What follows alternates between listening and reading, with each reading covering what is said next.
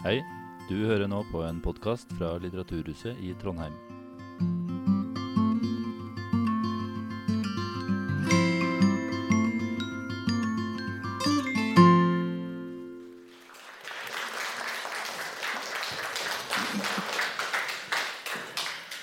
Ja, Fryktelig hyggelig å se så mange har kommet i det grisværet her. da. Hjertelig velkommen. Uh, Åsted Trondheim. Uh, da hadde jeg flytta tilbake til Trondheim fra Møre. og Så holdt jeg på med ei novellesamling, og så syntes jeg mangla ei novelle. Så tenkte jeg hvor får jeg inspirasjon fra? Ikke fra månen. Kanskje jeg går en tur på gamle trakter? Jeg er født og oppvokst på Lilleby, Lamoen. Og så går jeg innover. Ser på husene og portrommene og smugene og gårdene og folk. Og der kommer han mot meg. Anniken Halvorsen. Wow, det trenger jeg. Men for å bli kjent med uh, Anniken Hva gjorde hun? Hvilken hobby har hun? Hvilken familie har hun? Uh, ja, og mot EU. altså For å bli kjent med personen. Og det må jeg bli, skal dere tro på personene mine, så ikke bare blir pappfigurer. Så jeg tok og inviterte henne inn, og hun fortalte at hun var politibetjent på Trondheim politikammer. Flott, sa jeg, jeg trenger eh, ei som er ansatt der. Og hun fortalte om fobiene sine og litt av hvert, så jeg har vært ganske godt kjent med dama. Og så kunne jeg ingenting om politiarbeid. Hun var jo politibetjent. Visst konstabel nå. Så tenkte jeg hvis du skriver fra et konkret politikammer, som Trondheim politikammer er Og har jo knapt vært innom veggene der, og jeg har ikke noe stor kjennskap til, til Jeg er knapt i fartsbot, liksom. Så jeg ringte han kriminalsjef den gangen, Harald Moholt og sa at jeg har ansatt en politibetjent på kammeret.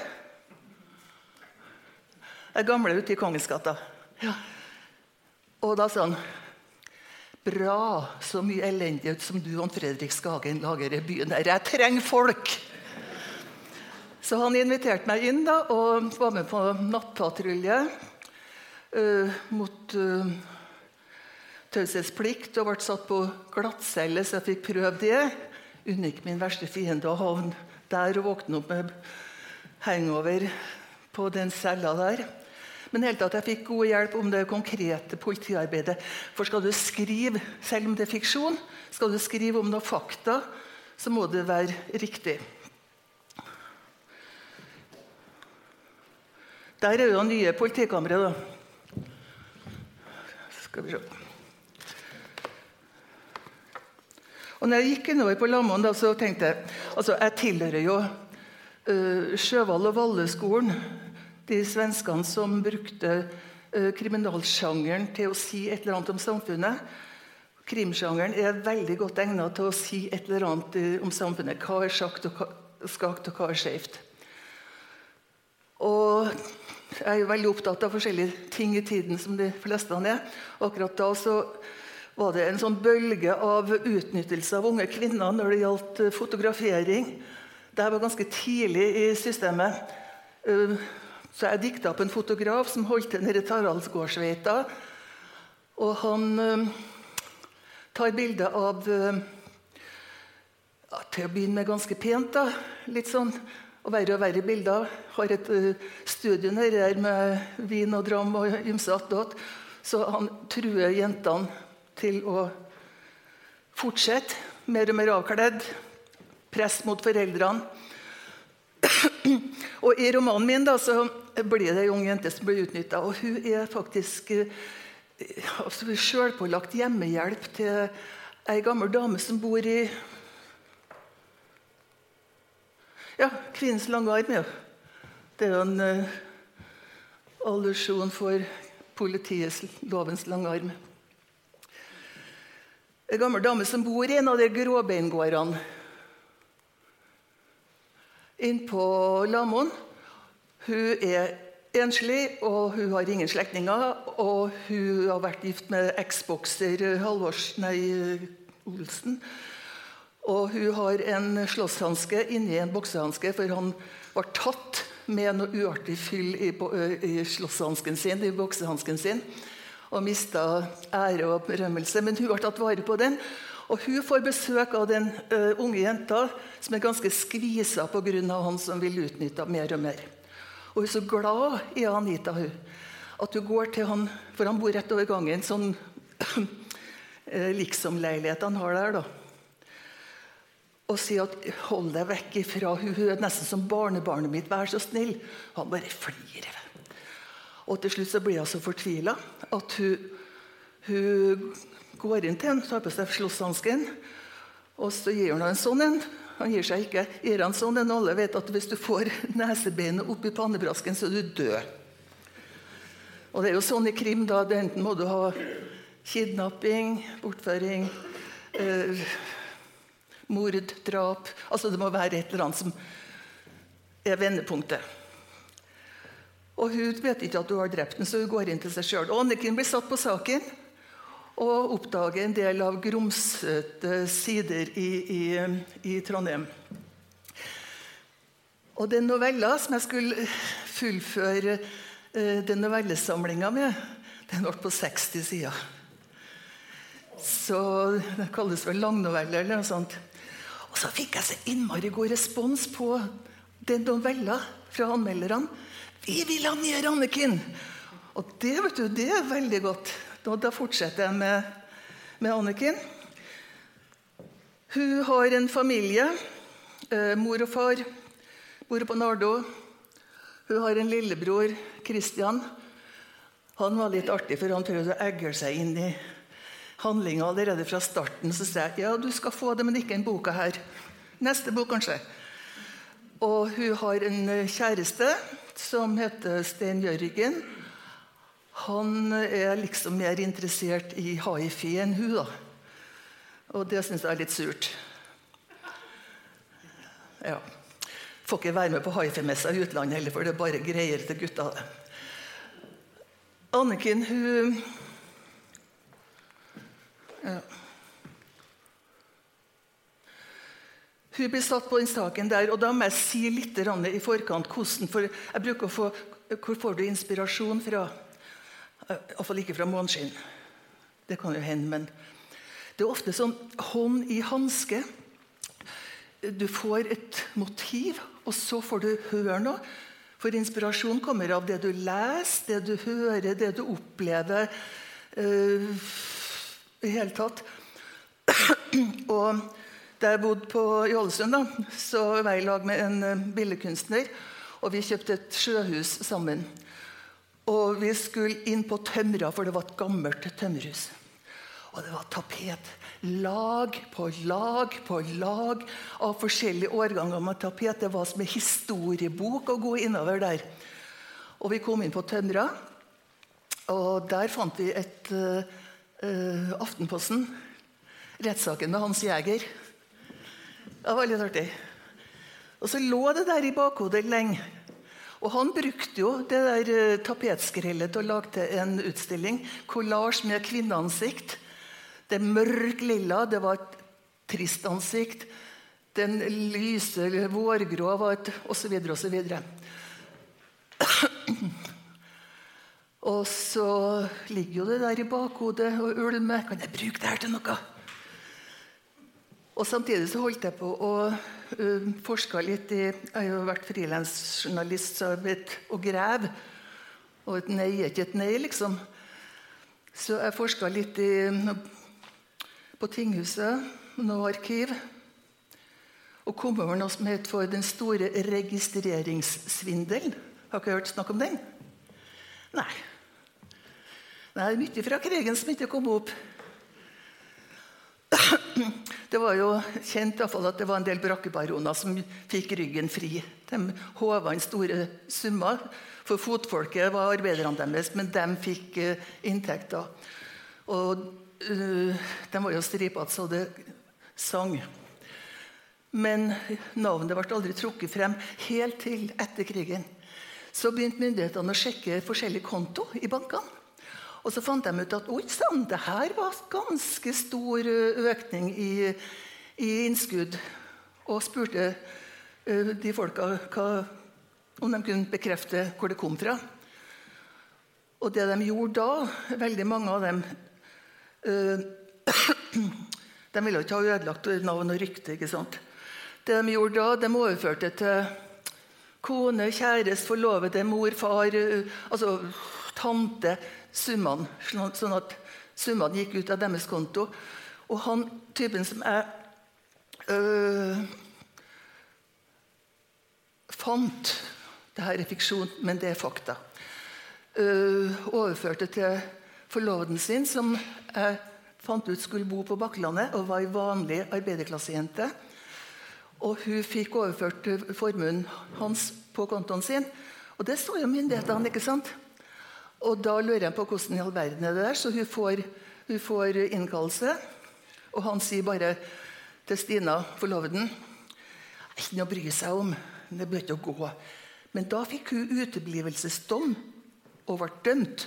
Og ble dømt som vanlig jente i 1945 etter krigen for å samarbeide med tyskerne. Det var ikke greit. Så hun, hun isolerte seg inn på Bakklandet. Hun gikk aldri ut.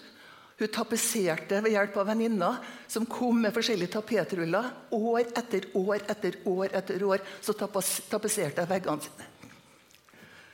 Der har du vet du, hånd i hanske. Der har du et motiv. Nei, forresten, Motivet har ikke dukka opp enda. Det dukka opp eh, på um, en gallerist som har uh, verksted på Bakklandet. Her. Tone Sakse hun har utstilling av de der kollasjbildene med kvinneansikt og tapet. Og Åpninga har vært, og Anniken syns mora er så mye inne, så hun har lyst til å ta med seg mor si. Kom nå, mamma. Og De går ned der og ser på utstillinga. Mora syns det er veldig dystert. Hun drikker kaffe isteden. Ikke så veldig interessert. Og Anniken går rundt, og så ser hun plutselig et bilde med en mann foran, fysisk foran, som plutselig blir slik. Og Hun ser at han reagerer veldig rart. og Når han går, så hører hun at han spør om han får kjøpe det bildet. Men det får han, ikke. han får det, men han får ikke levert ut med samme. Så lurer jeg på hva i all verden er det med det bildet. Så går hun bort til Svita. Et halvt brevark avrevet. Ja vel, hvorfor er han så interessert i det? Han interessert i resten?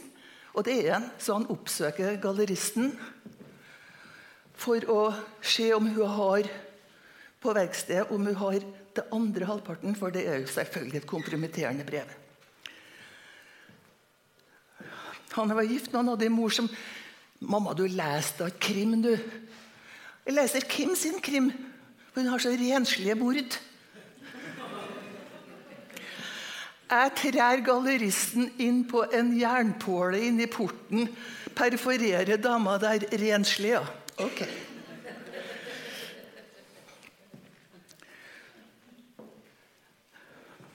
Ja.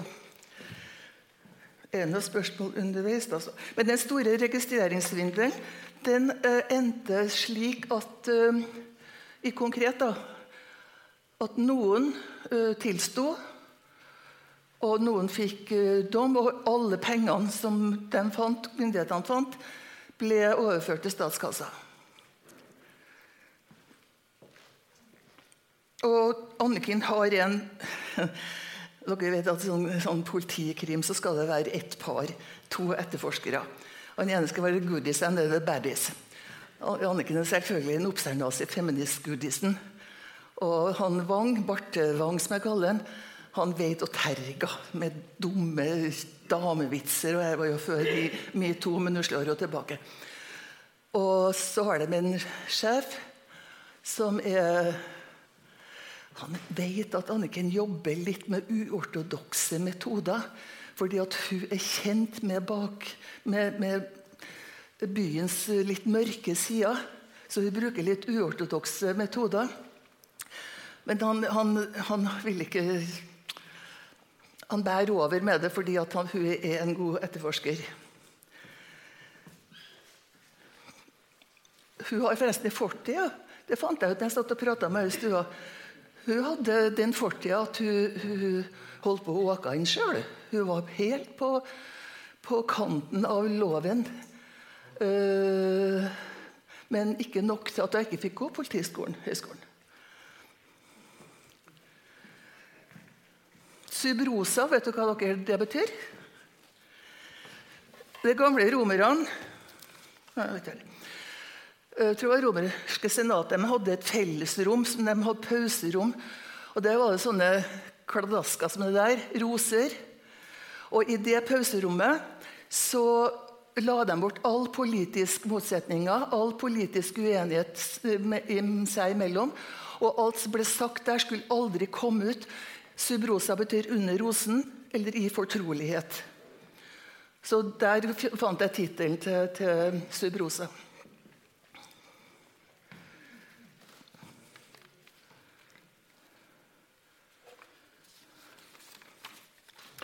Skal vi se Kjernesund død. Å, gud, som jeg prater. Den har en litt artig opptakt. Jeg fikk, ble oppringt av uh, Turistforeninga god tid før påske et år. Hvem kan du skrive en novelle og, som vi legger ut på alle hyttene i påska? Wow, tenkte jeg, yes, da blir jeg lest. Kommer inn du, og får kakaoen og får av seg sko og, og leser den. Ja, jeg, men jeg var jo ganske gammel og debuterte, så jeg har litt erfaring. Så jeg sa, er det takhøyde der? Ja, på hyttene? Nei, sånn at jeg kan skrive hva jeg vil. Ja, ja, ja. Om jeg dreper Røde Kors hjelpesjefen, er det greit? Ja, ja, ja. ja, ja. Helt greit. Ok, tenkte jeg. Og så var jeg litt opptatt av Jeg har jo vært um, instruktør i, i, både svømming og dykking. Og brukte jo helsestudio som dop i mange herrens år. Og så gikk mange ganger i uka. Og hvis jeg vet at det er veldig mye uh, boler ute og går der, både på amatørnivå og ikke minst Husker dere eh, da 'Ringenes herre' kom? Altså Olympiaden som, Det var jo så mye doping at det var jo så det holdt. Og alle var jo engasjert i den der uærlige idretten. Og jeg leste dopinglista. Der er det veldig mye som står. Altså, det er alt ifra anabole steorider og test, testosteron men betablokker. og blodoverføring og annenmannstiss og altså alt det der. Til og med hypnose sto. Og der sto det også hva, hva uh, en hestekur. Det var doping. Og de hestene som fikk den hestekuren, de vant. Men de lå døde på målstreken. Hva, hva var inneholdt der?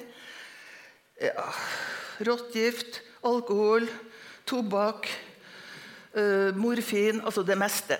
Fikk gampen. Og klart den sprang. Sprang som fanken.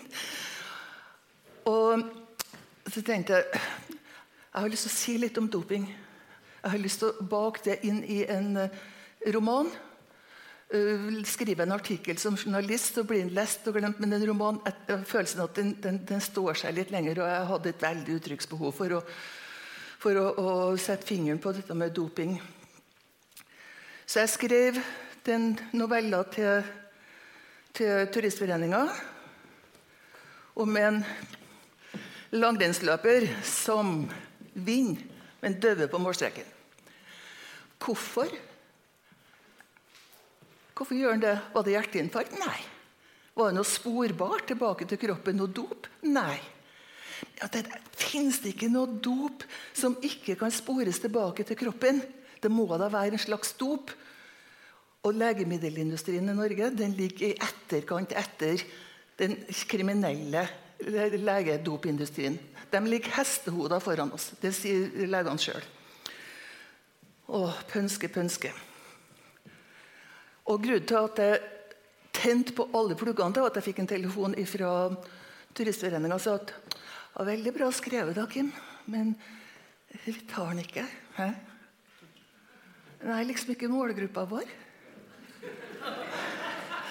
Den har jo sånn rød klut foran nesen, vet du. Og da tenkte jeg nei vel, men da skriver jeg en roman om det. For nå kan jeg veldig mye om doping. Men så var det dette med Den usynlige dopinga som du ikke vil finne ut av. Pønske, pønske. Så vet dere at uh, Musikk det, det, er jo forskjellige følelser som settes i gang. Hører du salme, så blir du sånn. Hører du jazz, så blir du sånn. Hører du hard, hard rock, så blir du noe annerledes. Altså musikk, og ikke snakk om sånn uh, talere som får med seg hele uh, Rådhusplassen eller i Europa. ikke sant? Og festivaler. altså Det er jo et hysteri, det er jo en sånn helt suggesjon. Så ord og musikk det, det akustiske signalet det går inn til folk og gjør noe med oss. Gjør noe med cellene våre. Og hva med psykologien oppi der? Hva gjør det med psykologien? Hva gjør det med innmaten i huet vårt? Forberedende med psykologi, men jeg kan lide psykologi. så jeg ringte. Først så ringte jeg til en akustiker. Han øh, Hva heter øh, Krokstad. Øh, var professor på NTH. Forresten han som laga akustikken i Olavshallen og Håkonshallen. Og la frem problemet mitt, og så sa han det har vi pratet om. Kom opp. Dro jeg opp og spurte er det mulighet at et menneske kan sprenge seg sjøl ved en treningsmetode som går på et krysningspunkt mellom akustikk og psykologi. Jeg hadde jo sett på treningsvideoene eller, ja, det var det, til Willy Reilo. Og De er jo helt legitime, de er jo lov. Men de er slik at du følger f.eks. langrenn hvert steg, hvert tak. Og så den stemmen 'Du greier det her! Du greier det her! Du skal vinne! Du skal vinne!' du skal vinne, sånn, Gjentatt, gjentatt, gjentatt. Og så ser jeg, etter vi hadde presentert prosjektet mitt da, Tror det går an en gang i nær eller fjern fremtid. Ser han lenge på meg og sier det er masse i dag som jeg aldri hadde trodd kunne kommet til å hente, så det her er ikke umulig. Og det ga meg grønt lys til å skrive. Så jeg bruker ikke en langrennsløper, men jeg bruker svømmehallen i Trondheim. Siv, et uh, kjempetalent innenfor svømming, hun drukner. Uh, Anniken Halvorsen er selvfølgelig til stede. Og hun og noen andre prøver å få Siv opp, og får henne opp. henne opp, men hun er død. Og de ser på det som en helt normal uh, Ikke normal, da, gud hjelpe meg. dødsfall, drukning, men uh, det er jo ingenting sporbart i kroppen hennes. ikke i hele tatt. Og begynner å, begynner å, å propellere i huet sitt. Så prøver jeg å trekke inn et persongalleri. da, Mora faren. Hvordan sorg opplever dem? De bor oppe på Byåsen. Hvordan sorg opplever dem? Og ser at ingen gjør noe. Det her kan ikke være riktig. Det dødsfallet her kan ikke være riktig. Anniken hun, sammen med Vagn da, hun tar saken. Neste bilde er egentlig ikke nei.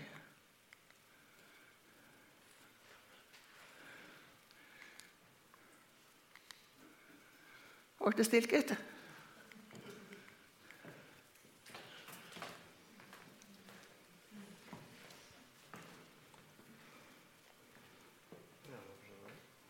Hva sier du?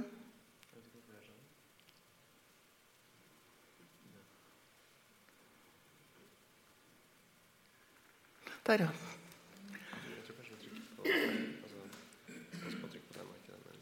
Hæ? Pass på å trykke på den og ikke den underst. Den, da? Ser jeg det.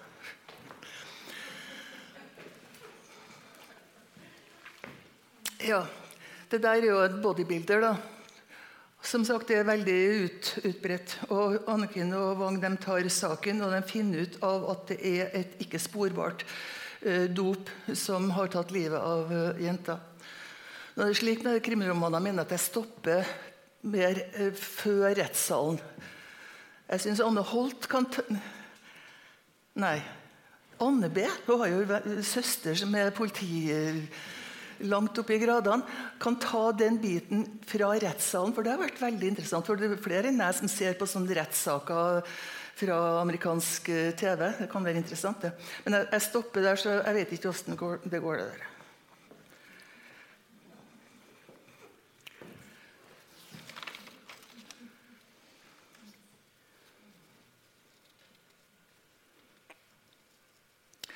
Containerkvinnen Trafficking, kvinnehandel, barnehandel. Tre kvinnfolk blir funnet nede på Nyhavna.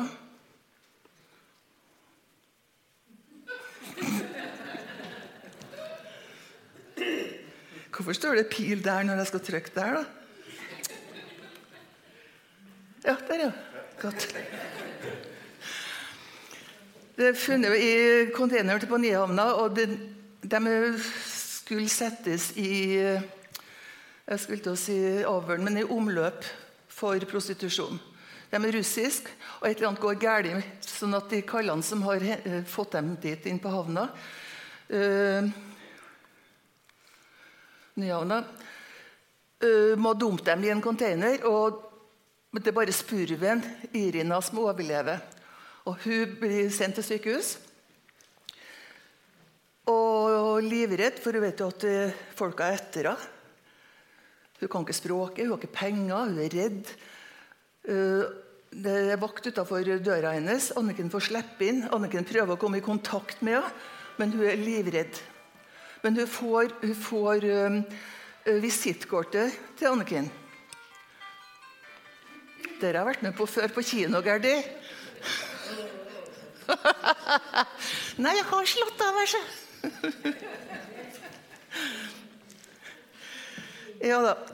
Uh, får kortet til Anniken. Om du igjen også tar kontakt. Spurven rømmer og går ned en pub nede i nærbyen og blir kjent med en som viser seg å være jeger. Han inviterer å være kortversjon til ei koie oppe i marka. Og hun sender beskjed derfra at hvor er igjen, for hun er redd. Hun har gjort noe. Hun vært påtvunget å lære seg det våpenet hans. Og hun vil ikke, vil ikke, vil ikke, så det går av et skudd, og han blir død. Han drept. Hun er livredd. Men hun stikker av før de kommer dit. Han, han Wang han er sikker på Han er orienteringsløper. vet du. Nei, det er oppe i Bymarka, på Geitfjellet hun er. De kjører alle styrkene oppe i Geitfjellet, opp i Furukrattkrongel oppi der. Men hun er jo i Malvikmarka. Jeg kom over en sånn koie, så han nesten ikke, hun gikk nesten forbi henne. Og innmed fjellveggen. og Det eneste jeg så, var en liten rute, men det var en kaie folk brukte. Og hun kommer på langt om lenge. Hun vet jo at hun er forfulgt og hun må berge seg. Og det eneste halmstrået er det kortet til Anniken. Så hun, hun står en dag på Møllenberg Nei.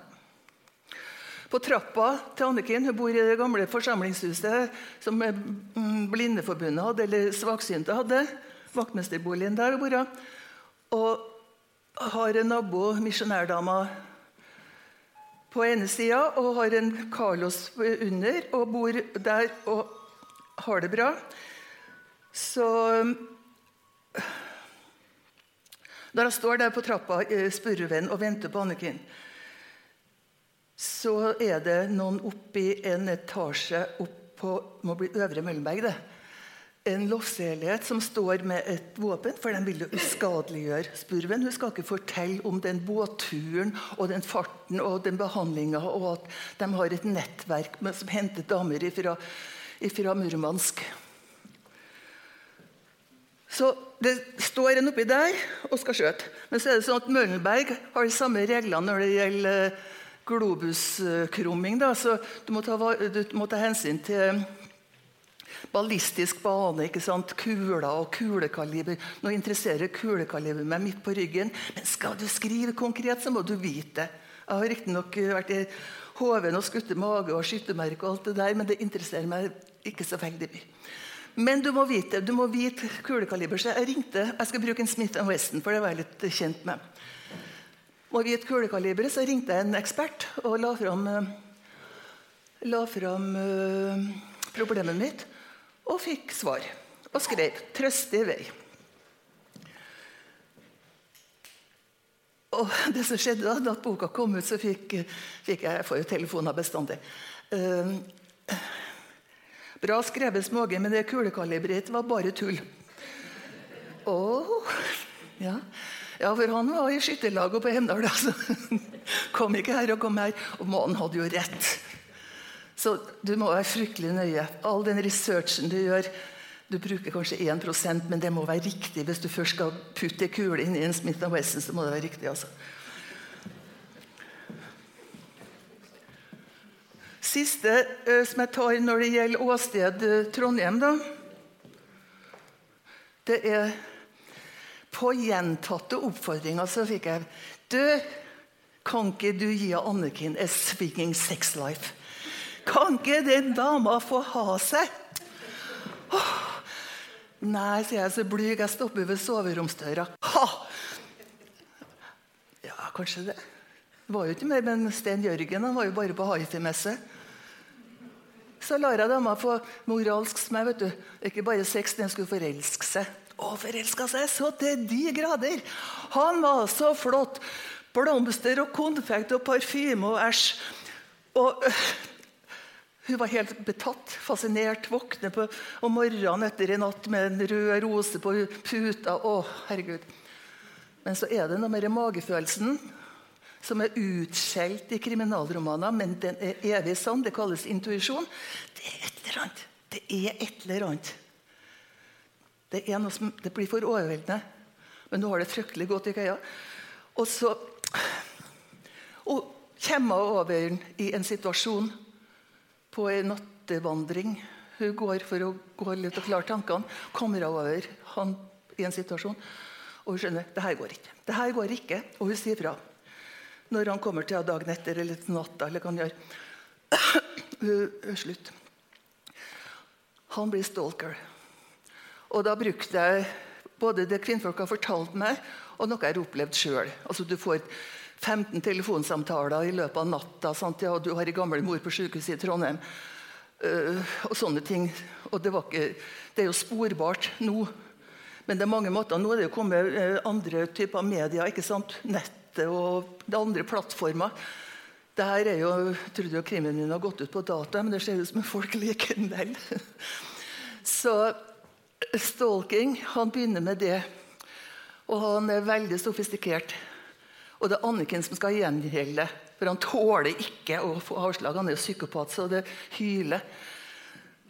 Og gjør en lang historie kort der, da, så bruker jeg hele byen. Bruker persongalleriet, bruker uh, tankene dine og klesdrakten din og samtalen deres og, og smelle det sammen i bipersonene mine for å få dem til å bli levende. Jeg vet ikke om jeg lykkes, men i alle fall prøve det. Prøve det å bruke det miljøet. Og i dobbeltmann da, så ender flukten med at hun blir Ikke flukt. Ender det med foreløpig at hun blir lurt opp på politihytta på Lian. Og hvordan hun har kommet seg inn der, det vet jeg ikke, men hun har en avtale med noen politifolk der. Men det er jo bare han typen som er der. Og han binder og han setter fyr på hytta. Så det var det. Nei da, selvfølgelig så kommer det en redningsmann. Slukker hytta brannen og får dama på fotene igjen. ja. Da tror jeg jeg har brukt tida mi før pausen og vel så det. Men er det noe spørsmål om åsted Trondheim? For neste bolk så tar vi noe annet. Skal vi ta litt, på, ta litt uh, strekk på fotene? Fem, syv, ti? Ti minutter? OK. Ja. Er jeg på? Ja. Vi begynner med bokbad. Det er en forandring, en liten forandring. Toril eh, er blitt syk. Hun kommer ikke. Uh, hun har lest gjennom hele forfatterskapet mitt og gjort en grundig jobb. Men sykdom er sykdom, så det, det går ikke an å gjøre noe med. Ja, man har jo plan A og plan B. Plan B er bokbade meg sjøl.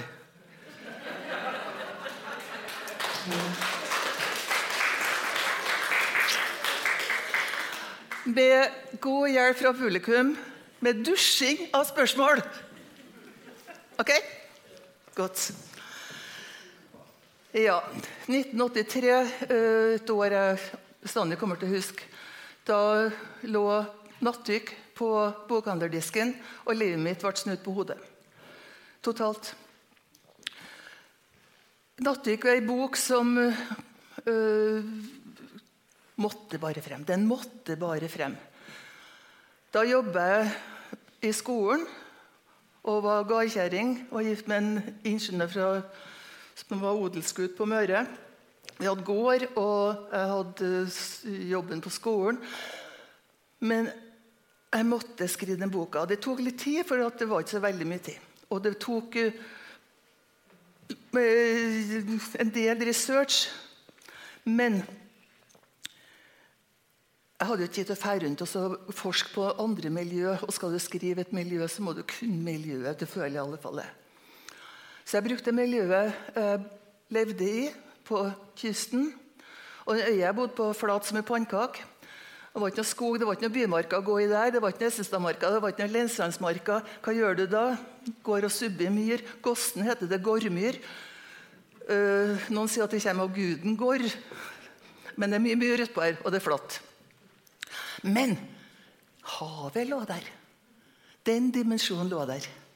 Og der er det en verden. Verden under havoverflata.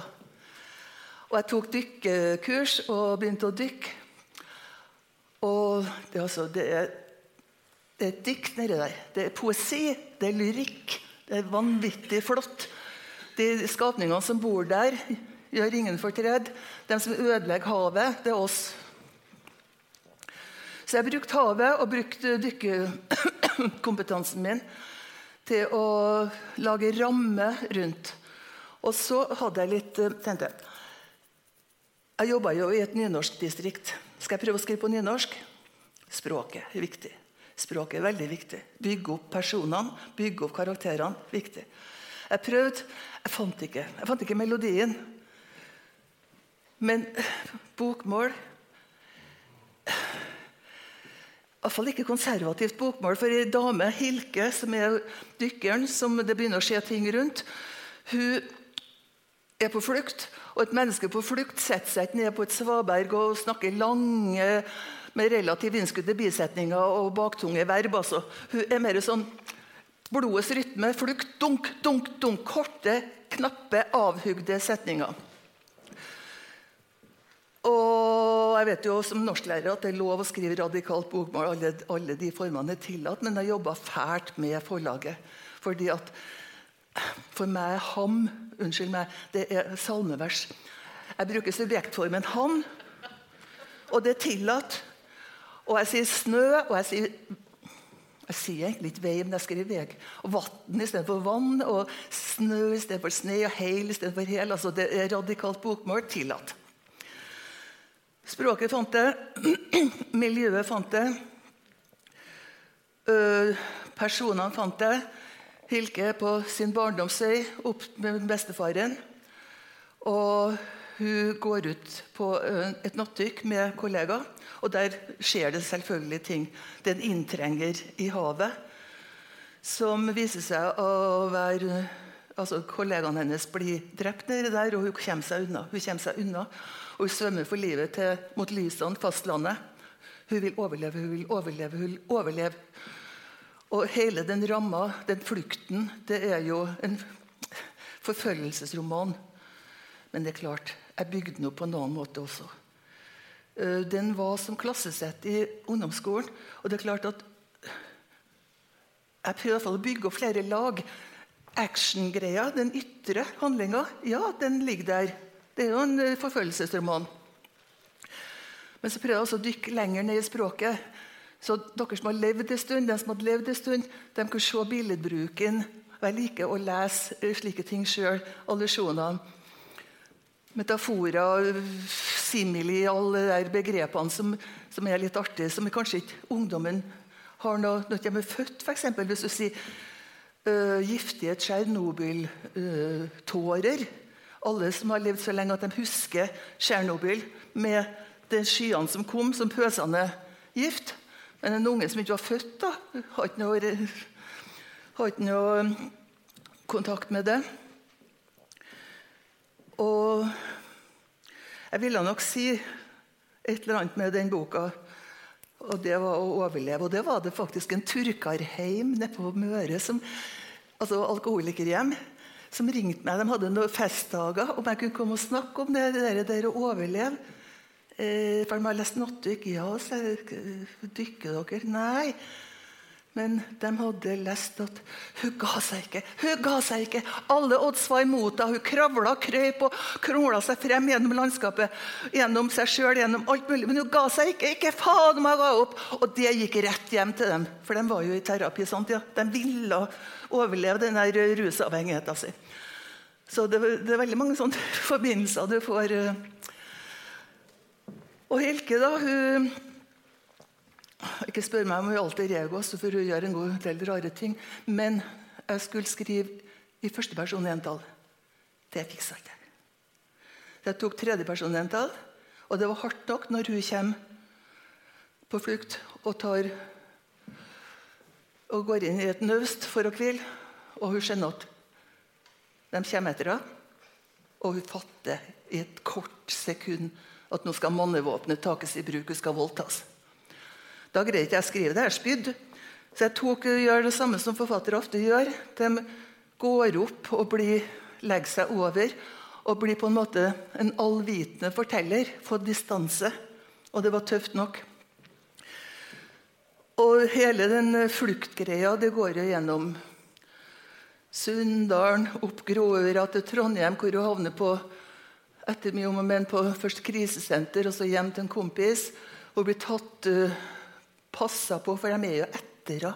Politiet sitter i vakt i leiligheten. Og hun møter politimannen Vidar, han som skal redde verden ifølge norrøn mytologi. Ginnungagap, ikke sant? Han som setter sverdet der så en ulven ikke får dryppa blod. Redningsmannen Vidar. Får nå se hvor mye redningsmann han, han er, da. Men han øh, Det landskapet det var veldig sånn kontrært. Det nydelige, stille, rolige landskapet under vann, den poesien der. Og de, altså fjellene i Trondheim I Norge, mener jeg Nå skal jeg snakke om fjellene i Trøndelag. Det er litt sånn snille fjell. Gråkene står ikke og glefser mot det.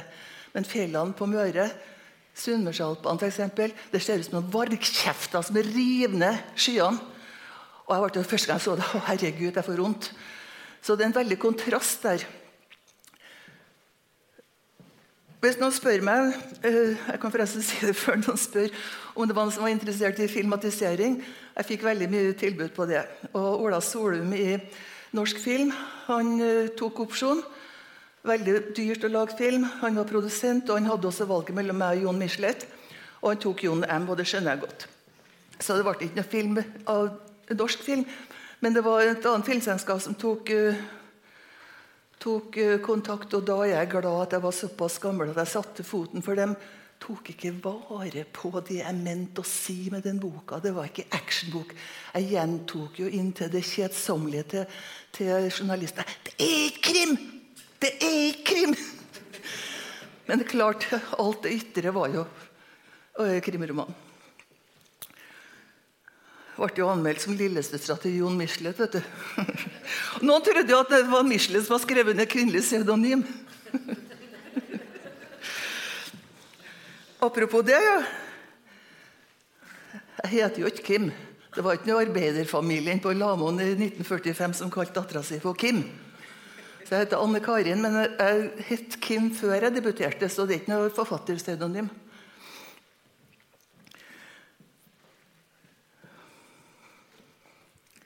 Har Toril vært der nå, så har hun spurt Når bestemte du deg for å bli forfatter? det er veldig godt å ha en sånn Da kan jeg spørre om akkurat hva jeg vil. Eh,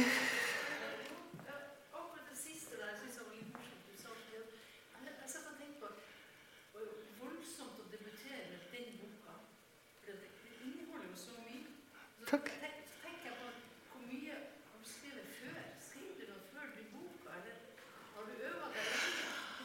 Når tenkte du på å bli forfatter? uh, ja. Der jeg vokste opp, så var det ikke mye eh, velfylte bibliotek i privatheimer. Uh, til oss var det Bibelen og Marx. Uh, men vi hadde en filial, en bibliotekfilial inni mellomveien, der som det tattoo-shoppa er nå. Den der uh, En ganske ny blokk. Ja, ny og ny. Der, der frekventerte jeg ganske ofte. Og så, selv om det ikke var mye lærde altså Jeg har jo aldri kjent, jeg hadde ikke noen rollemodell i forfatterne da jeg vokste opp. Noen skrev bøkene, ja. Som jeg leste, ja. Men vi hadde ikke noe sånn, sånne folk i nabolaget. Vi hadde en professor på hjørnet. Det var det eneste som liksom merka seg ut. Men jeg har skrevet hele livet. Jeg har gjort det. Jeg husker uh, norsklærerinna mi på Lillebyskolen, Stina Tilsnes. Hvis du skriver over en, ei stilbok, så setter jeg ned en karakter. Må ikke skrive så langt. Så klart jeg hadde fantasien var der hele tida. Og når 'Natty' kom ut, da, så var det en anmelder som sa kanskje hennes affinitet ligger like mye til poesien, lyrikken, som til prosaen. tenkte jeg, wow! Og dykka ned i nattbordskuffa mi og tok opp alt jeg skrev gjennom tida. vet du, Noveller, dikt, og, og fortellinger og tanker. Tenkte jeg. Mellom to permer? Nei. Dette er skattkista mi. Den skal jeg øse av. Så det sto sånn Jeg går ikke nølenslager i næringa, for å si det sånn.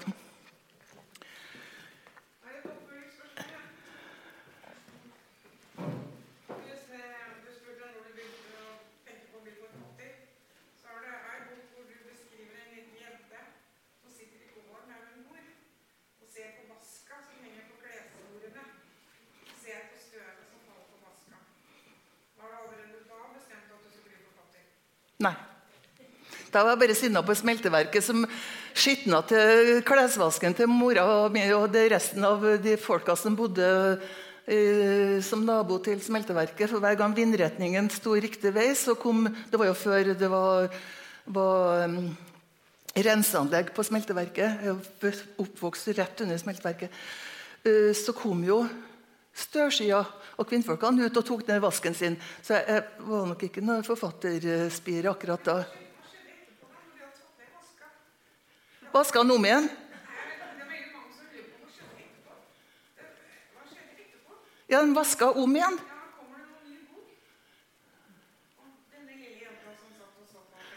Hvis du kjøper, så. ok, gøy. Jeg skal, jeg skal komme tilbake til det der. Altså, ja.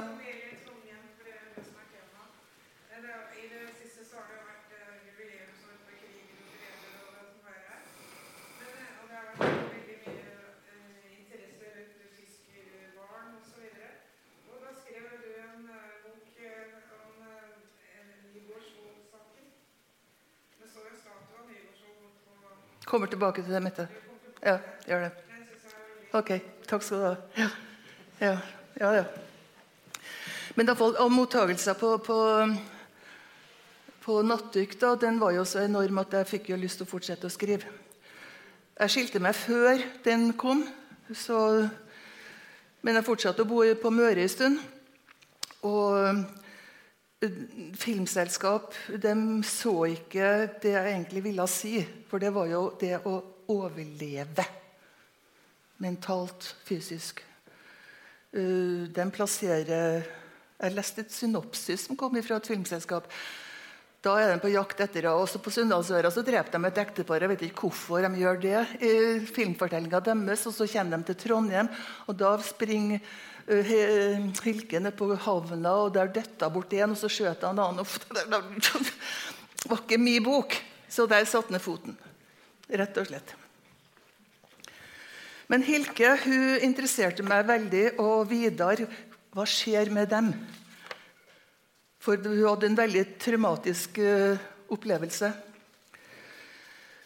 Jeg sender tilbake til den øya som bestefaren bor på, som hun dykka på etter at hun har kommet seg litt. Og jeg vet ikke om dere husker uh, hvordan årstall være 'Whisky on the Rocks'. den russiske, sovjetiske ubåten som gikk opp på, på, på noe skjær utafor Sverige. Sånt, Ja, Smålig lo av, for de sto der og bakka bakka. bakka, Kom ikke av skjæret. De fikk overlevert pornoblad og litt tidtrøyte og litt sånn. Og den, det året så var det veldig mange ubåtobservasjoner langs kysten. Og Sjøforsvaret de droppa dypvannsbomber i millionklassen. Masse sprut og smell. Kom det noe opp? Kom det noen ubåter opp etter observasjonene? Nei, det kom fisk med hvitbuken opp, liksom. Og da begynte jo folk og media begynte å liksom ha, ha, ha. Er de så kåt, PR-kåte, fiskerne som rapporterer der at den bløffer på seg en ubåt? Nei. Jeg tror på fiskerne. De har øyne, de vet hva som er skjær, båer, eh, pekepinner og hva som er et periskop. Så jeg tror på at det er de observasjonene de modige seg til å gi videre, for de vil jo ikke bli ledd ut, de er sann. Og det er Sjøforsvaret som får der og brukte opp et helt budsjett uten noen gang Fikk ikke opp noe jeg tenkte Gud, det hadde vært godt å få opp en ubåt. Herregud! Det har vært deilig. Få han opp. Og Samtidig så bodde jeg på ei øy som hadde ei Nato-mast 200 meter høy med båndlagt område rundt omkring. Det var forresten dattera til sjefen der. Det var Britt Bildøen. Jeg hadde på skolen. Dyktig dame. Forfatter. Uh, eh, 200 meter. Og den gikk under navnet Silver Fox. Det var noen som fikk hvit, som var med nei til Atom. Fikk hvit. Og hver gang den hadde sendetid, så blekka den ut all instrumenteringa om bord på fiskebåtene. Det var jo fiskere som bodde utpå her. Uh, fiskere og litt service og litt uh, bønder. Blekka ut astikken, lorangen, ekkoloddet Alle instrumenteringer gikk i svart. Og de ble fortalt gang på gang at ja, men det her er et radiofyr til sikkerhet for fiskeflåten. De sa ikke 'kiss me ass', men de mente det. Og så kom det Men de levde jo med det offeret til storsamfunnet. ikke sant? Den masta. Ok, vi ligger på kysten, vi har ofra eh, litt av det her. Men så kom det beskjed om at det skulle være ni nye master. Ikke 200 meter, men 90 meter. Og det båndla et veldig stort område. Pluss at hva er det her? Hvorfor? Hvorfor? Det er som har kontroll over den knappen. Dette er den kalde krigen, ikke sant? Uh, og det viste seg at det, det, var jo en sånn uh, general tut å kjøre borti statene, for det var den nordatlantiske flåten. Og folk de begynte å uh, likte ikke det her. Hva er det vi vil vite? Og da tok jeg tak i noe som jeg opplevde på den øya. Altså, De var jo kongetro og Nato-tro og, gikk stilt i døren stort sett. Men vi vil vite hva er det her for noe. Vi vil ikke bli satt utafor døra på eget hus uten å få informasjon om hva det er. Det er usant til evig tid at det er et radiofyr til, til, til bruk for uh, sikkerhet for fiskerne. Så de laga ei underskriftsliste og gikk rundt med og sendte uh, til, til Forsvarsdepartementet. Og der kom det over fjorden med ferja tre biler med sota glass med mye folk som skulle overbevise alle som hadde uh, gått på Fiskarheimen for å høre at det her var bare til deres eget beste. De skjønte med sammen når bilene kom rullende i land. Det her er svært. Det her er stort. Det her er for fiskeflåten. Hilke er på den øya og dykker sammen med Vidar. De fortsetter forholdet. Og De går ut og dykker, og de ser ubåten. Og den blir kort historie, lang historie den blir pressa opp. Hvordan kan du presse opp en ubåt? Det er jo en sovjetisk festning. Og det var en helt spesiell ubåt jeg tok for meg. Det var prototypen på øh, noe som ikke var så vellykka før. Titanlegering i skroget. Og det gjør at en er en kjapp dypvannsdykker og forsvinner. Prater med noen som øh, drev på med sånn ubåtsøk med hydrofon og alt mulig sånt. Ja, men bare tenk, Det er vanskelig å, å finne det er vanskelig å finne ubåtene. Det kan observeres, men det er vanskelig å finne, for det er skikting i sjøen. Trondheimsfjorden det er jo en sånn terskelfjord. Har du tørrlagt den, så har det blitt sånn rismark utover. Og, og det har jo gått, uh, gått uh, hydrofoner over, og de mister ubåtene gang på gang pga. skiktinga, pga. signal og alt mulig sånn. Så tenkte jeg jeg må, må jo, jeg må greie å få opp en ubåt. Det har vært godt! Hvordan skal jeg gjøre det? Jo, hvis det treffes slik at, at nitratstengeren som skaffer bl.a. oksygen, for du må ha oksygen i der, og oksygen begynner å sive ut i båten, og det er hull øh, i systemet slik at altså, Oksygen er ikke giftig. Vi trenger oksygen på én bar i overflata.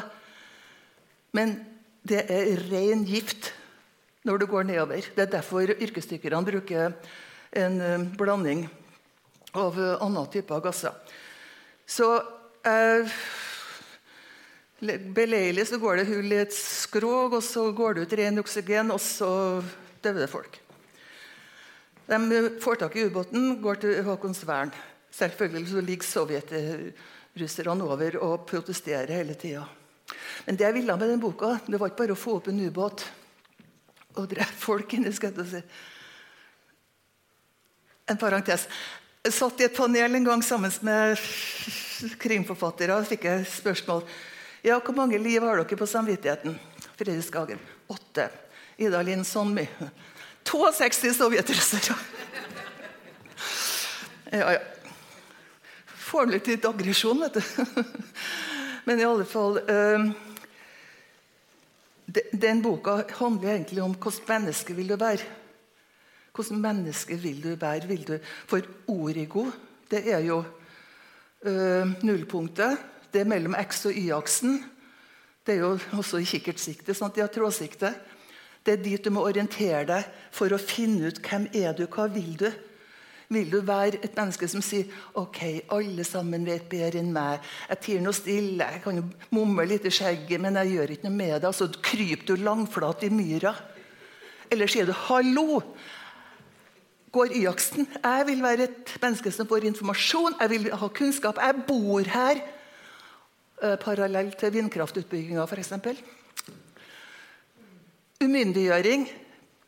Og føle at du ikke får lov å få kunnskap, du blir ikke tatt på alvor, du mister sjølrespekt og du mister trua på hele systemet.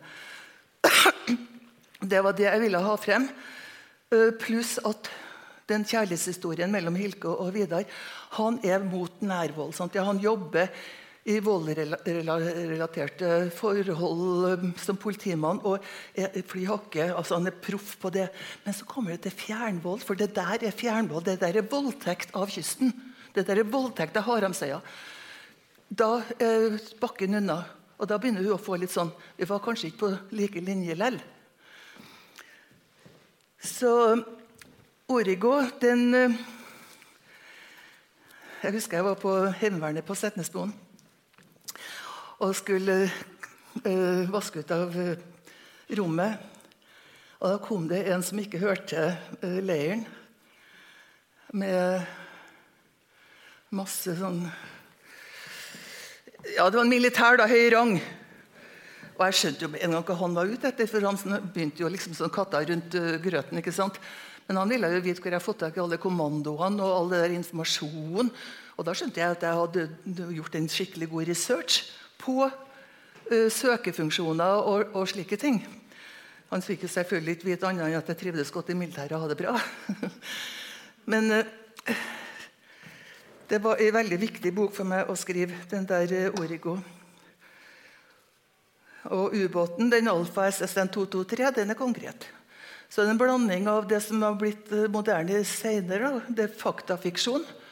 Du tar et uh, tema, og så drodler du på det, og så uh, bruker du uh, fiksjonen til personer, handling. Yes.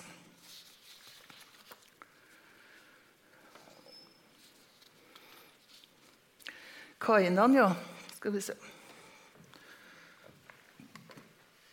Det store nødtegnet. Der bor Anniken borti.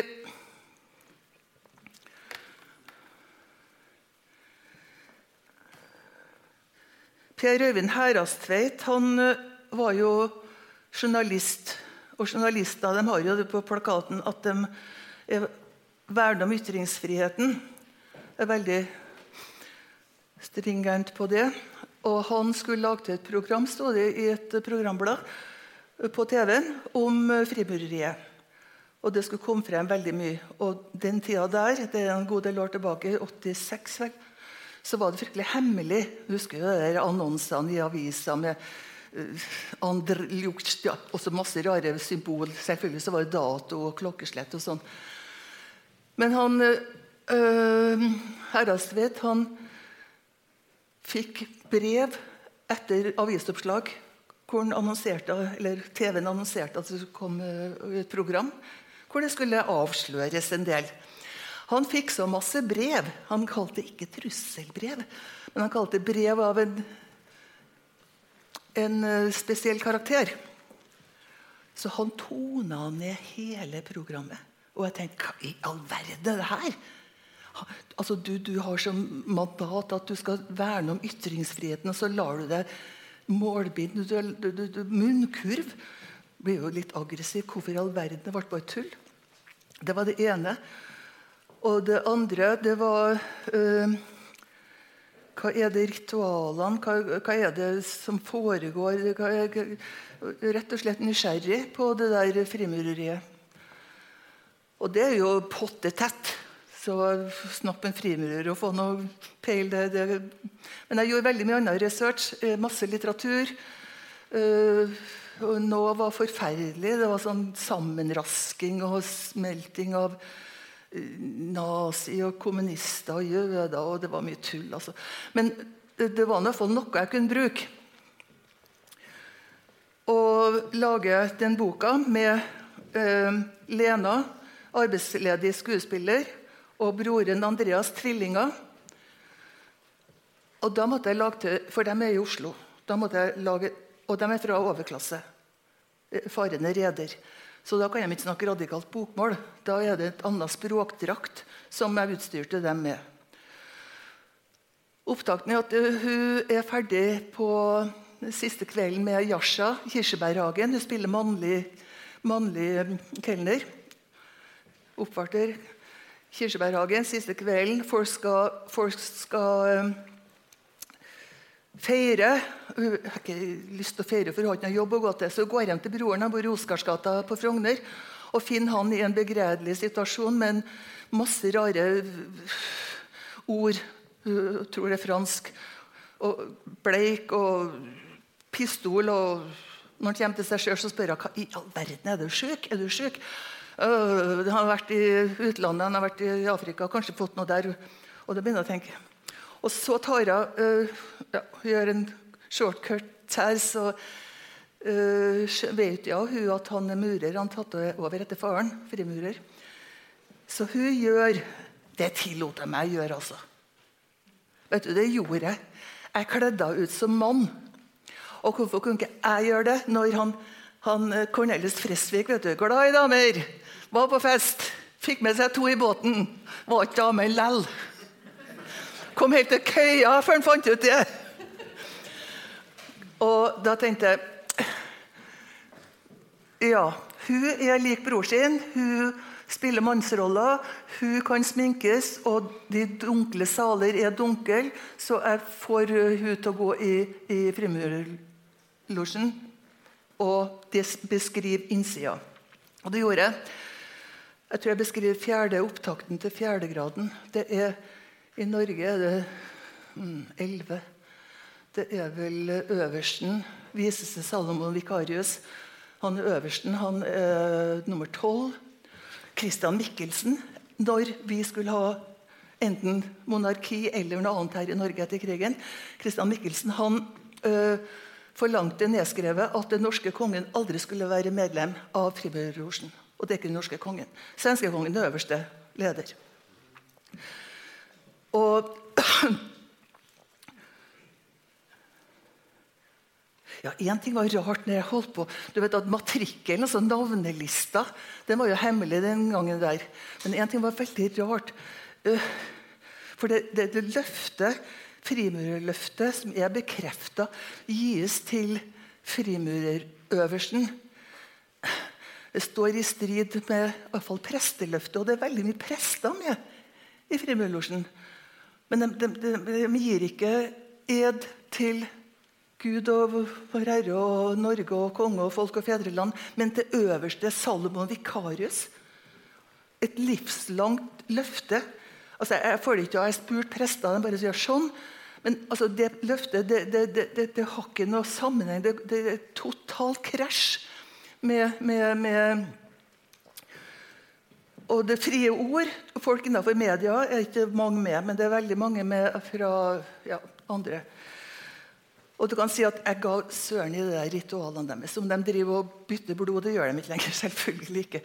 Men eh, seremoniell og hemmelighet det må jo folk få ha. Vi må jo få ha våre nettverk, vi må ha våre kontaktflater, vi må ha våre hemmeligheter innenfor forskjellige ordener.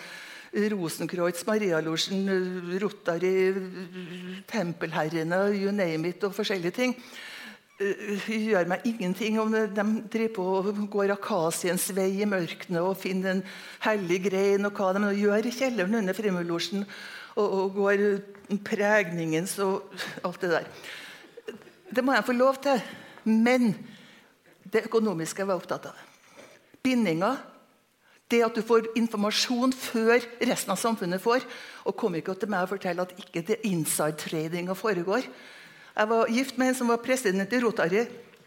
Og han fikk informasjon før andre kunne ta sine valg ut ifra det. Så ikke kom og si at det ikke er en sånn økonomisk binding, informasjonstilgang, som ikke vanlige folk har, ikke offentligheten har. Og jeg husker boka kom ut Så det ble veldig mye presse. Journalister tok fatt i den, og det var fryktelig godt. fordi Da begynte de å se på ja, de alle forskjellige uh, organisasjonene. Hemmelige selskap, som det ble kalt. Uh, og ble kalt inn til NRK TV-en. Satt i paneldebatt med øverst Nei, det var Ikarusen. Og Theo Koresinski og noen flere. Og vi og Korysinski ville jo vinkle på de økonomiske bindingene på den biten der. Men vi var litt bleik der, vi var litt svak, vi ble litt overkjørt. Så det ble veldig mye på seremoniene. Og greit nok, Men så ringer det ei etterpå. Husker dere hun uh, radioteaterskriver Edith Ranum? Ja. Hun var jo blind som voksen, men det var ikke som unge. Og så ringer hun. 'Hvem har du fått tak i der?' 'Hvorfor har ikke spurt meg?' spurte jeg. Så hvorfor da? Hun har jo lest deg på blindeskrifta. 'Ja, jeg var jo dattera til vaktmesteren i Firmølosjen i Oslo.' jeg. 'Å, har du vært der?' 'Nei.' 'Ja, men du skriver jo helt riktig.' Det var jo som de salene. Det var jo slik. Alle salene du beskriver, er riktig. Jeg holdt på, og det var deilig. Jeg kom vel over et papir som jeg ikke skulle komme over i researchen min. Jeg kom over noen tegninger som ikke var mynta på meg. Ok, Så det var ikke tatt ut av det blå. Så Lena hun, hun prøver å finne ut hva som driver og skjer med broren, og hun kommer bort i en verden som hun ikke liker.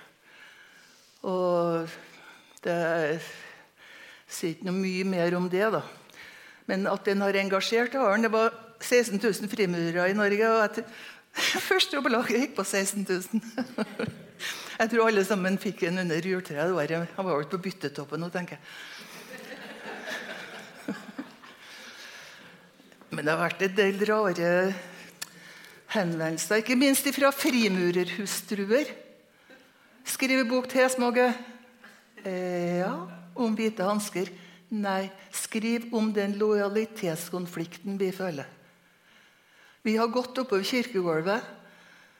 Mann og hustru, gode onde dager, fellesskap. Og så har han en liv, en verden utenom min, og økonomien også. Vi føler lojalitetskonflikt. Jeg skal ha gjort det, jeg skal ha skrevet den boka, men det ble nok ikke det, da. Ja, Så ringte jeg til forlaget. Jeg ble ikke så mye utskjelt, men jeg ringte forlaget og en sogneprest i Bergen. Tak med småge at, at, at, at, Hva var det jeg sa? At et sånn seriøst forlag kunne gi ut en sånn søppel. ja. Han, tok, han var sogneprest. Han tok ikke med småge i, i kirkebønna. og han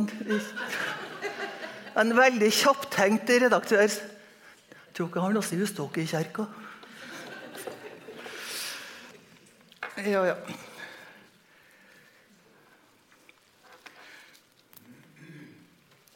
Skal vi se eh, Jeg tror jeg går kjapt over på Jeg har jo vært på befaring i Frimurlosjen eh, da de har den i Trondheim. da, Da de har øh, åpne dager. Jeg var jo faktisk bryllup, Første bryllupsselskapet mitt, øh, giftermålet mens mage, var jo i selskapslokalene der. men den viser jo frem det de vil vise frem. Sant, ja? Altså under, under, bakkenivå så er det fire etasjer ned. Vi fikk ikke komme ned der. Det var bare malingpøser der. Å ja, ja vel. Malingpøser der. Så det er klart at uh, speilsalen, eller den der stjernehimmelen, er jo praktfull. Det er jo mannfolk som går inn i et fellesskap for å Der mor og far, sto det. Mor og far sin oppdragende virkning, oppdragelse, slutter, så tar Frimurlosjen sin filosofi over. Akkurat.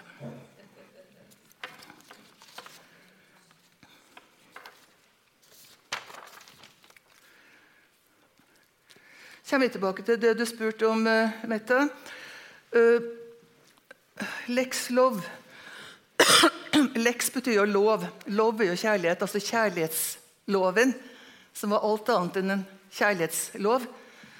Uh, under krigen så satt jo eksilregjeringa i London, og det ble utforma en, uh, en, lov som het, ble kalt for Lex Nygaardsvold, som gikk på at uh, norske soldater stasjonert i utlandet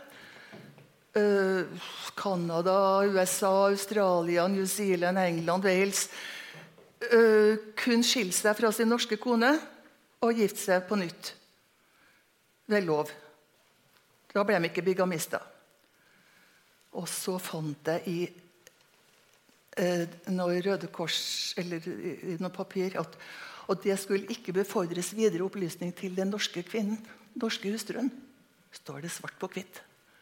Og det ble det ikke.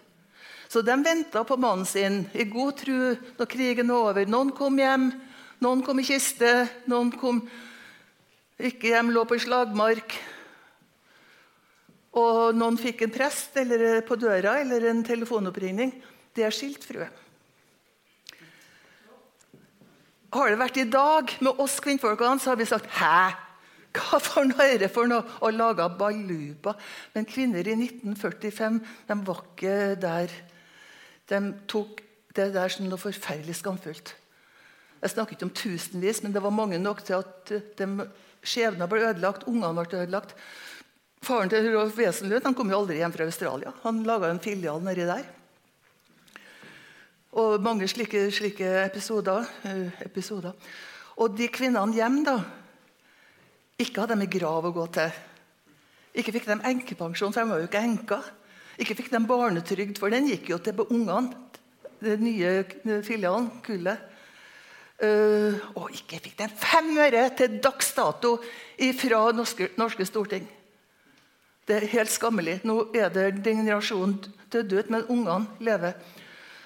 Og Grunnen til at jeg ble veldig opptatt av det her, det var en artikkel i Aftenposten av en kvinnelig journalist hvor hun hadde fått i tale en av de bigamiofrene. For de ville ikke. De følte at det var personlig skam. ikke sant? De sto ikke frem. De led i stillhet. Hun var kunstner, og det var kunsten som hadde holdt liv i hun berga. Og hun fortalte, og jeg tenkte at å Gud, det har vært artig å prate med den dama. og komme litt videre, For den var ikke stor, den notisen. Så ringte jeg journalisten og spurte om hun kunne lage til vei til meg der. Og det prøvde hun, og fikk eh, ja, faktisk. Men så døde hun før ikke journalisten, men informanten min. Og det var det, trodde jeg. Men jeg greide ikke å slippe den tanken der. Jeg greide ikke å slippe hva skjedde, hva skjer? Og, og gikk nedi, nedi, nedi Hadde det der i bakhodet hele tida. Og som jeg sa forrige gang, forrige time, så er det ofte du har et eller annet, og så får du et eller annet annet. Og så ah, Bingo, her kan jeg jobbe videre med. Her kan jeg jobbe videre med. Og det videre, det var Jeg var jo frilansjournalist, og jeg laga en reportasje fra Nordsjøen på dykkerfartøy. Og skulle skrive for avisa igjen og for et eh, magasin, Petro oljemagasin. Og får komme om bord på et dykkerfartøy. Uh, mannskapet var norsk, var fra Møre. var Kjente med kompiser, møtte konene deres, møtte ungene. Helt vanlige folk med husbankhus og, og, og, og plen og slo snø og måk. Og man, Crue var engelske dykkere. Så skriver jeg en artikkel om uh, uh, jul- og nyttårsfeiring om bord. Og så går vi inn. Etter jeg er ferdig med det, så skulle de uh, inn og hente et eller annet supply på, i Peterhead. Går vi inn til Peterhead. Og guttene går i land, skal gå i land. da. De skal på fotballkamp, og de skal på litt velferd og de skal på litt sånn og sånn. Og så står jeg og lurer på om jeg skal være med, og så ser jeg før de kommer, og så ser jeg en, en om bord. Han går langs med Blakewater, altså piren, og møter en nydelig dame med ei bitte lita jente som kommer hoppende. Og han tar opp jenta, og gir en klem og gir kvinna en klem. Og jeg tenker 'hæ?' Han typen der er jo gift hjemme. Og det var han. Jeg blir så sint. Sier til guttene 'Hør, det vet dere om?' 'Ja, ja, ja.' ja, ja. Er det hans? Nei, det er ikke hans. men... Uh... Så de visste om han, han hadde en filial der. Og de sa ingenting. Altså, De rensa ikke ut Det er ikke det samme som et tilfeldig one night stand. altså. Da har du det, vet du. Da har du det. Eller har du det? Det er jo to forskjellige ting. Men i bunnen av alt det her så ligger det jo egentlig Hvis du ikke vet hvem det er, hvem du er, eh, fortida di eh, Da kan du ta feil valg. Hvis du tror at fortida di er slik og slik, og slik, men så viser det seg at den er ikke det, så kan du ta helt rare og dyptgripende gærne valg. Og er jeg tilbake til bigami-greiene. Fordi at jeg utstyrer øh, personene mine. Øh, Kjersti, som skal besøke kjæresten sin i Peterhead. Uh, uanmeldt og hjemme en fiskebåt over. Og skipperen er jo fornuftig nok å si skal du komme sånn uventa. Det er kanskje ikke så helt lurt, det. Jo da, stoler på han, ja. ja, ja. Og blir veldig godt kjent med denne skipperen. Og går i land, og selvfølgelig så har han andre kvinnfolk, så hun blir sinna. Så går, går han på kaia og blir med han tilbake til Stavanger. Han er fra Stavanger. Hun er råsint. og hun hun skal ta imot han, kjæresten hun kommer hjem, og hun skal voldta han, og det gjør hun. Hun gir han bilder på netthinna som hun aldri glemmer, og så skifter han lås i døra. Ut med han. Og han skjønner ingenting. Jeg syns han hadde det veldig fint. Så går hun og virrer i omgivelsene, og så tar hun mot et tilbud å gå sammen med han skipperen fra Stavanger inn på heialandskapet i Jæren. Selvfølgelig så blir det kameratskap. og hun blir med han hjem, eget rom, ikke noe tull, og møter mor, som sitter i første etasjen, som sier når sønnen kommer inn 'Endelig kom du hjem.' Og oppfører seg veldig rart. Og han sier da, han Olav, da, han skipperen der, han sier, tror at jeg er mannen hennes som aldri kom hjem. Ja, hvorfor kom han ikke hjem? Og så forteller han om den der loven, bigamiloven. At mora var et av de ofrene for bigamiloven. Og hun syns det er grusomt. Det blir et forhold mellom dem. De utvikler et veldig flott kjærlighetsforhold. Og han viser uh, album, f.eks., og så ser hun plutselig et bilde. Og det bildet har hun i albumet hjem. Mora har det. Men det er bortrevet. Mannen. Hun skjønner at Olav er broren hennes. Hun har aldri visst at faren, rederen på Sunnmøre, hadde noen filialer. Så hun har ligget med halvbroren sin. Og det kan jo være litt av et sjokk når det er liksom den mennesket du har lyst til å leve livet sammen med. Så hun må, har en ting å gjøre. Hun har bestandig vært på konflikt med faren. Uh, skulle egentlig ta bedriften. Han setter ned foten. Uh, hun er sinna. Hun drar hjem, og hun konfronterer han med det. Og tenker Etter at han har fått hjerteinfarkt og sitter noenlunde død i stolen Syns dere ikke den fortjent? Så drar hun til, tilbake til Olav, og hun tenker ja, men herregud, det er jo oss to. Gjør det nå. Vi skal ikke ha barn lell. Gjør det nå, herregud. Olav, vær så snill. Vi fortsetter selvfølgelig. fortsetter Vi vil leve sammen. Vi kommer til å få et kjempeliv. Og det fikser ikke han. Han sier han greide ikke. Han greide ikke, han greide ikke. Og hele livet hennes raser sammen. Og den tida der så tenkte jeg Hva gjør hun nå? Og så leste jeg mye om blind vold. Hva som får trigge blind vold. Leste veldig mye om blind vold. For jeg sender Kjersti ut i Stavanger i en, i en uh, kontekst hvor hun, hun, hun, hun skader, kanskje dreper, et menneske som hun ikke kjenner. Og Da hadde jeg lest så mye om blind vold at jeg synes det var veldig logisk at jeg gjorde det der. For det er reaksjonsmønsteret når du blir utsatt for sånne ting.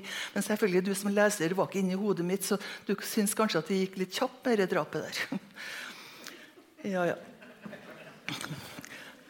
Og det beste det er faktisk å høre på sin egen tekst lest opp i lydbok, for da hører du eh, svakheter som f.eks.: Aha, her er det småges i mening. Det er ikke skjønnlitteratur. Der, eh, og jeg hører at den der slutten er litt eh, litt, eh, litt uh, mager. Ja, det var Lex Love, det. Koksbiter og trollsplint, ja. Skal vi se Nei, der er mureren igjen.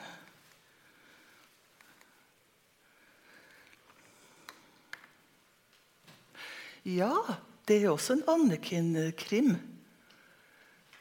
Det går ikke an å skrive fra andre settinger enn storby. Må det være by med veite og gatelys og smug og sånn? Kan ikke være fra landsby. Det er mye rart som skjer på landsbygda. Og da bodde jeg på Valsøya på Fosen. Så jeg tenkte at ja, her kan vi la oss strande. Hun er med en seilbåt ut men Anniken hater skeive vinkler. Skeive horisonter liker ikke. Så hun går i land til et par og blir der mens seilerne drar videre nordover. Og selvfølgelig så kommer hun borti et eller annet. Og så kunne jeg bruke den Valdresundgården. Det er jo en sånn Camp Hill-bevegelse. Og før de hadde, Nå har de psykisk fysisk utviklingshemma med Downs syndrom. har undervist der. Men før oppstarten så hadde de tunge, eller narkomane rusmisbrukere. Så jeg spurte eh, daglig leder bortpå om jeg kunne bruke det den perioden og plante noen rusmisbrukere der, så det ble en sånn utviding av boka. Men jeg måtte ta livet av noen. Hvem skal jeg ta livet av? Jeg bodde jo der! Jeg kunne ikke ta livet av en sambygding. Så valget falt på en tysk turist som uh, rensa havet for fisk. Ja. Hvem var det som drepte han, da? Kona har ikke noe godt forhold til han, hun er sinna på han. Dattera syns faren er pyton, han er pyton. Um, narkomane på avrusing som vet at han har stoff, han som blir drept, er det dem. Prøver å bygge opp en intrige. ikke sant? Og I den eh, fasen så var det veldig artig, for uh, det blir jo en ettersøkning. Han ble jo funnet i, i Nei, det gjør ikke. Båten blir funnet tom. Sånn er det. Og Da settes det i gang på kysten. Med en gang settes det i gang et apparat med Sea King fra Ørland. Og hele den der fiskeflåten og hobbyfiskerne drar ut. For det der er de vant til, å prøve å finne folk i, i, i, i skjærgården. Og Det var litt artig å få vite rutinene der. da. Og mannen blir funnet. Ikke i båten, men i skilteland på fjære. Og det er litt artig. artig. Uh, det var jo landet, sant? Ja, så det kunne jo ikke være sånn tilfeldig turist som kom og fant det. Så jeg lot sauene finne det. Det gikk mye sau ute i høyene der. Og det syns han anmelderen i Aftenposten Hæ, Småge, skjerp deg. Sauer som finnere, det går ikke an. Gjør det vel det? Står der nede og breker, og måsen vil hakke. ikke sant? Så han blir funnet. Og det blir jo selvfølgelig oppklart langt om lenge. Skal vi se Solefall, ja. Ja, er det noen spørsmål ute og går? Så tar vi det. Jeg har jo skrevet noen barne- og ungdomsbøker som jeg også er glad i. 'Figuren' og 'Interrail'. Og den der 'Koksbiter og trollsplint' fra Lilleby. Gamle Lilleby! ja, ja. Folk trenger hus. Jeg skal ikke si noe mer. Jeg har det På netthinna så har jeg jo litt annet strøk, men folk trenger hus. Greit nok. Eh, jeg vokste opp i en av det var vel den eneste murgården på Stjørdalsveien. Eh, Rønningsletta. Lå jo, Rønningen lå jo under Rønningen gård. Og eh, det ble jo kalt påsto de Dakota. Jeg har aldri hørt det navnet. Jeg har hørt Krangellade, for de krangla med grensesetting og sånn. Der var det en altså Det var jo egentlig et industriområde med veldig mye uh, trehus uh, som folk bodde i. Med hager og kjøpmann på hjørnet og Gadna Larsen, Mendelssohn Progass, Norgass Veldig mye småindustri har vært hele tida på, på, Lilleby. Jeg vokste opp i noe som ble kalt for Åsgården. Det var vel egentlig en fabrikk. En uh, lakris uh, Iallfall var la, lakrisfabrikk som er gjort om til tolv uh, leiligheter. Så jeg har tolv mødre. Så hvis jeg klaska ei sølekake på veggen, så var det 'Ta og Rydd opp etter deg!' Og det var litt godt. Det var nabokjerringa, altså. Så vi fikk, eh, Derfor er jeg blitt sånn prektig menneske, sa jeg til mor en gang. Tolv mødre. Ja, ja. Den boka er jeg veldig glad i. Eh, jeg begynte med fortsettelsen, for jeg slutter med Lydia. Hun ser jo alt gjennom en eh, lita jentes øyne. Men hun har fått et sånn smelteverkrusk på øyet. Og det fikk vi helt konkret hver gang. Hver sommer, eller hver gang vinden slo ned så var det en eller annen unge som måtte på sykehuset og ta ut en sånn koksbit. da. Så Lydia, hovedpersonen min der, lillejenta, hun får en sånn eh, bit på øyet som blir tatt ut. Men da, samme som Dovregubben Sal, vet du, hun får en sånn trollsplint, så hun ser ting som andre ikke ser. Og Det er jo ganske ålreit grep å ta litt rært, for da kan du virkelig dikte inn masse rart. Da er jeg ferdig med den boka, og jeg vil være så uh, ydmyk heller på trom, stortromma og si at det er jo egentlig en hyllest til oppvekstmiljøet mitt. Til de folka som lite hadde, men hadde tro på fremtida, og som oppfostra. Det var jo hjemmeværende husmødre. Jeg tror det var ei som jobba på en avholdskafé og tjente egne penger. Ellers så var det jo lagerarbeidere, kaiarbeidere ekspeditører, en annen verksmester. Det, men det var et veldig trygt, bostabilt miljø, egentlig.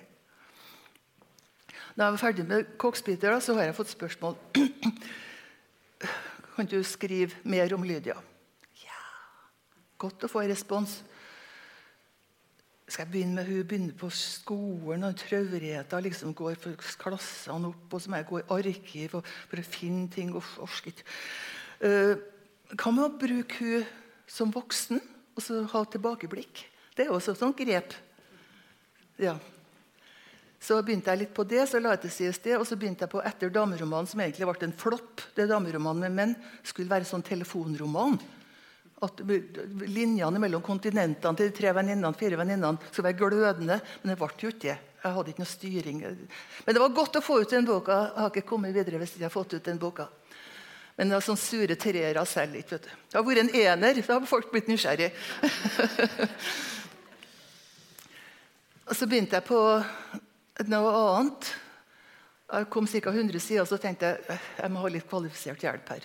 Sendte jeg inn til forlag og fikk uh, uttalelse. Og døra var ikke slått opp helt, da, men det var på gløtt. Og det var veldig godt. Men så kom koronaen. Kom covid-19.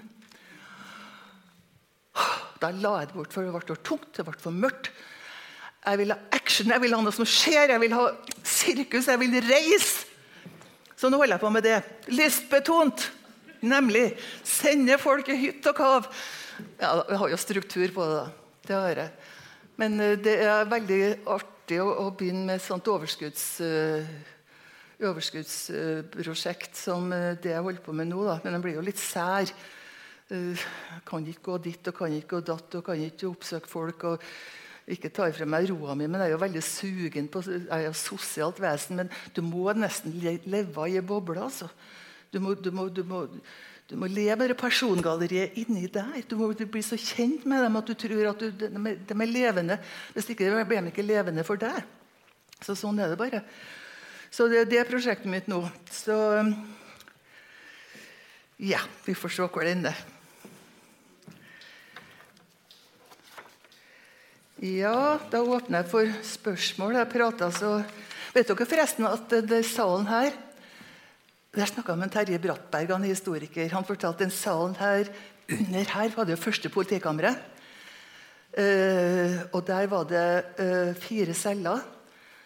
Og i drukkenskapsarresten så var det jordgulv, og det var egentlig plass til bare få folk, men det var jo veldig ofte folk der. Og hva de gjorde, og Det lukta sånn der, Hva kalte han Han kalte det for de delegerte menn som satt her.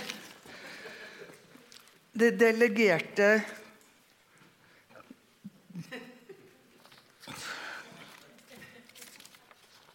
Her. Delegerte menn, ja, de satt uh, Elegerte.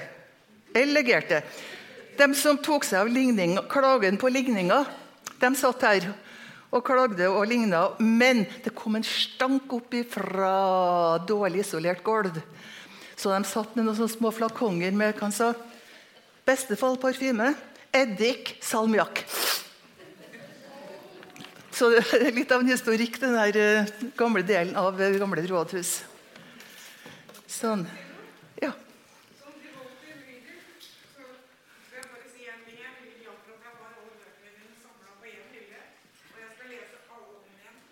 Wow.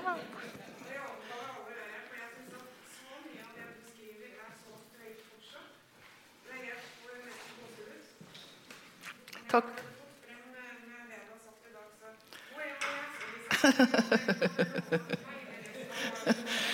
Du begynne som PR-agenten min? ja, tida begynner å renne ut, men er det noen spørsmål om språk, om uh, litteratur, så skjøt i vei. Ja.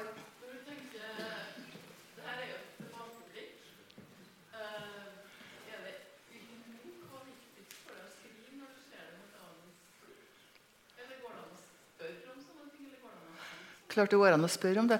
Jeg tror nok at den som skapte forfatterskapet mitt, var Nattyk. Ja. Men uh, at de andre han engasjerte veldig. Så jeg er fryktelig glad i Koksbiter. Så jeg har lyst til å skrive litt mer om det miljøet. Uh, Trondheimsmiljøet, den etterkrigsoptimismen. Uh, skjønnlitterært, da. Så ja. Mm. Ja. Jeg tror ikke forfatterne si den viktigste boka Men det er klart, altså, da, jeg, altså, jeg ville ikke bli forfatter da jeg var lita. Da jeg var lita, så ville jeg bli stor og sterk og tøff og bestemme sjøl. Og det betydde en, en kjapp utdanning. og Jeg jobba på kontor med, i seks år. Da jeg blitt så kunnskapshungrig at jeg måtte uh, begynne på Tøgg og begynne på universitetet og, og, og litt sånn slurpa inn kunnskap. så, så forfatter Det var liksom, det var noe perifert. Du leste bøker, ja. Og leste veldig mye. da. Gudskjelov det fantes noe som het for uh, oppegående norsklærere. Som fora den som var lesevillig til, med litteratur også. Jepp. Jeg må si jeg holder på med Subrosa nå, da. Og 1993, og jeg kjenner igjen Jeg veit jeg kjenner igjen gåsa, kjenner igjen naboen. Så akkurat som det levde i 1993. For en enorm gjenkjennelse på å lese den boka. På min alder, så bare det var så herlig.